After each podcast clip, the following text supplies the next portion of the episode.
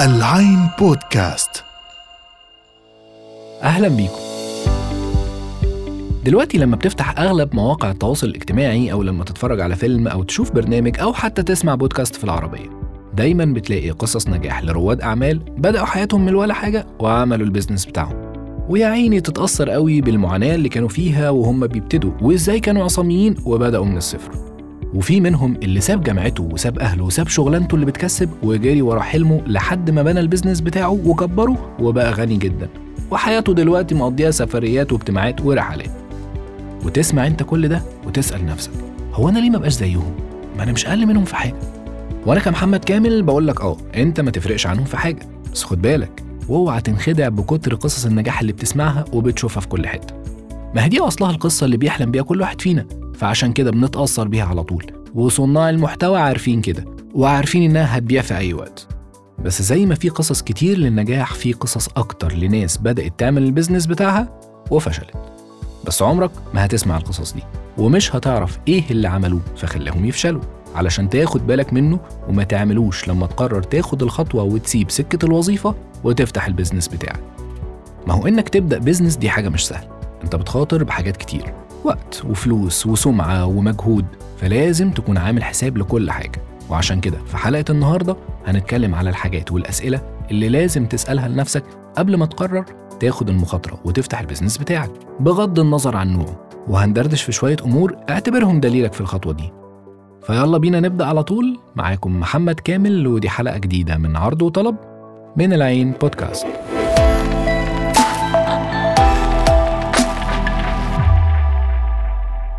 خلاص انت قررت تصنع قصة النجاح بتاعتك وتبقى من رواد الأعمال اللي بتسمع عنه.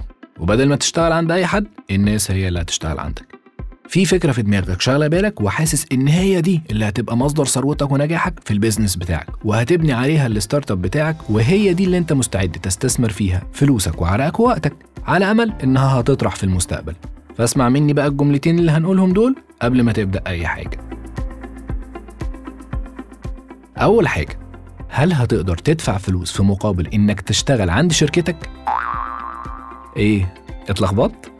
أبسطها لك ناس كتير معاها فلوس وراس مال لكن ما بيفتحوش مشاريع وبزنس زي اللي أنت عايز تعمله ليه؟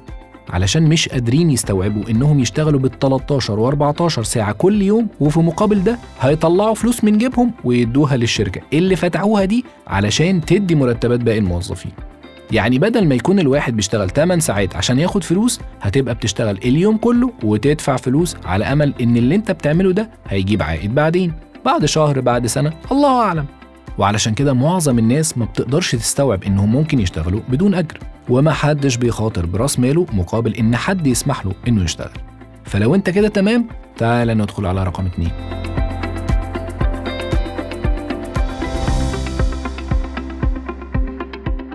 تاني حاجة هل هتبقى مرتاح مع الفشل؟ أكيد أنت سمعت في القصص بتاعت رواد الأعمال إنهم فشلوا مرة واتنين وتلاتة لحد ما ظبطت في المرة العشرين ولا التلاتين. وعارف أنت مقولة أديسون اللي حافظينها بتاعت أنا ما فشلتش ألف مرة في صنع المصباح الكهربائي ولكن اكتشفت ألف طريقة لا تصلح لصناعة المصباح الكهربائي. أهو الفشل ده جزء أساسي في سكة أي بزنس والواحد فينا أكيد ما بيحبش الإحساس ده. بس هو السؤال هل عندك القدرة النفسية والذهنية والعقلية إنك تفشل وتتجاوز الفشل؟ هيبقى شكلك وحش قدام اللي حواليك وممكن ناس يعايروك وناس هتبعد عنك لكن هل لما ده يحصل عزيمتك هتضعف؟ خد بالك إحنا في العادي كل لحظات فشلنا بتبقى محدودة يعني لما بتسقط في مادة ولا لما بتترفد من شغلك بيبقى الكلام على الضيق كده إنما لما البيزنس بتاعك يقع في مطبات الخبر هيبقى في العلن ان بابليك يعني وهتسمع كلام كتير مش هيعجبك فلو انت عارف كده ومش همك ومستعد لأي حاجة تعال ندخل على رقم ثلاثة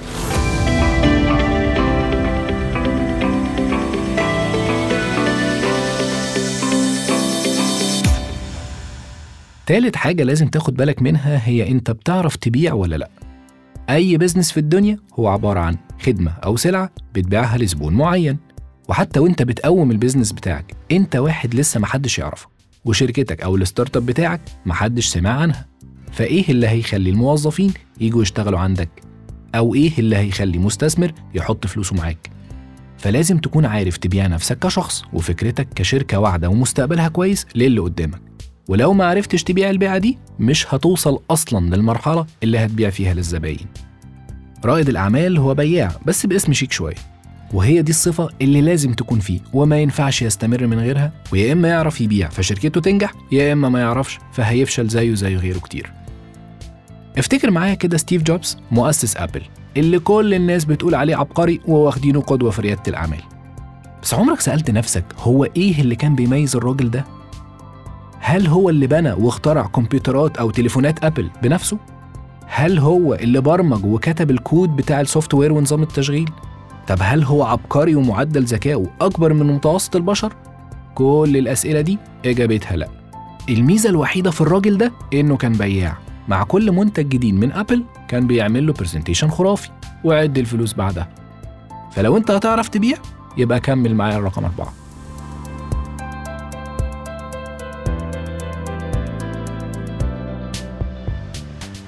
رابع حاجة هي هل عندك الجرأة للمخاطرة ولا لأ؟ علشان تبني ال business بتاعك وتكبره أكيد هتقابل في طريقك مواقف لازم تختار فيها ما بين سكك مختلفة مش شايف نهاية ولا واحدة فيهم. ومطلوب منك إنك تقرر قرار عمياني مبني بس على حدس جواك اللي بيقولوا عليه الحاسة السادسة. هل هتغمض عينك وتتحرك من غير ما تخاف؟ ولا هتحسبها 100 مرة؟ لأن في عالم ال business الفرصة ممكن ما تجيش إلا مرة واحدة ودايما الفرص ما بتظهرش إلا في أوقات قليلة ولازم تنتهزها قبل ما تختفي. الوظائف العادية على عكس ريادة الأعمال. ما بتطلبش منك أي نوع من أنواع المخاطرة. بتنفذ وظيفتك المطلوبة منك وبس. ولو قابلت موقف مش متعود عليه بتقدر بسهولة تحوله للي فوقك واللي فوقك يرفعه للي فوقه وهكذا. بس لما تبقى أنت صاحب المكان مفيش حد غيرك لازم ياخد القرار ويخاطر ويتحمل مسؤولية العواقب أيا كانت. فهل عندك الشجاعة؟ ولا لأ؟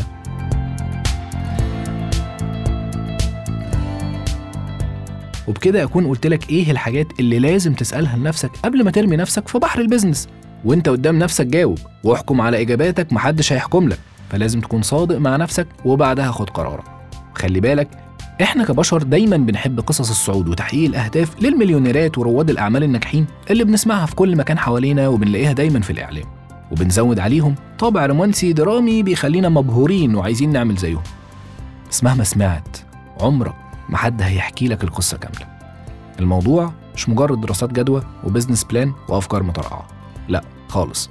هي ببساطة شخصية ومهارات وده اللي إحنا اتكلمنا عنه في حلقتنا. بس كده دي كانت دردشتنا النهاردة في عرض وطلب من العين بودكاست. ما تنسوش تسمعونا على موقعنا العين dot com slash podcast وعلى مختلف المنصات Apple Podcast Spotify Google Deezer Anghami و SoundCloud. ولو الحلقة عجبتكم تعملوا لها download وتقييم على السريع وقولوا لنا رأيكم في ال reviews. كنت معاكم محمد كامل دمتم بخير.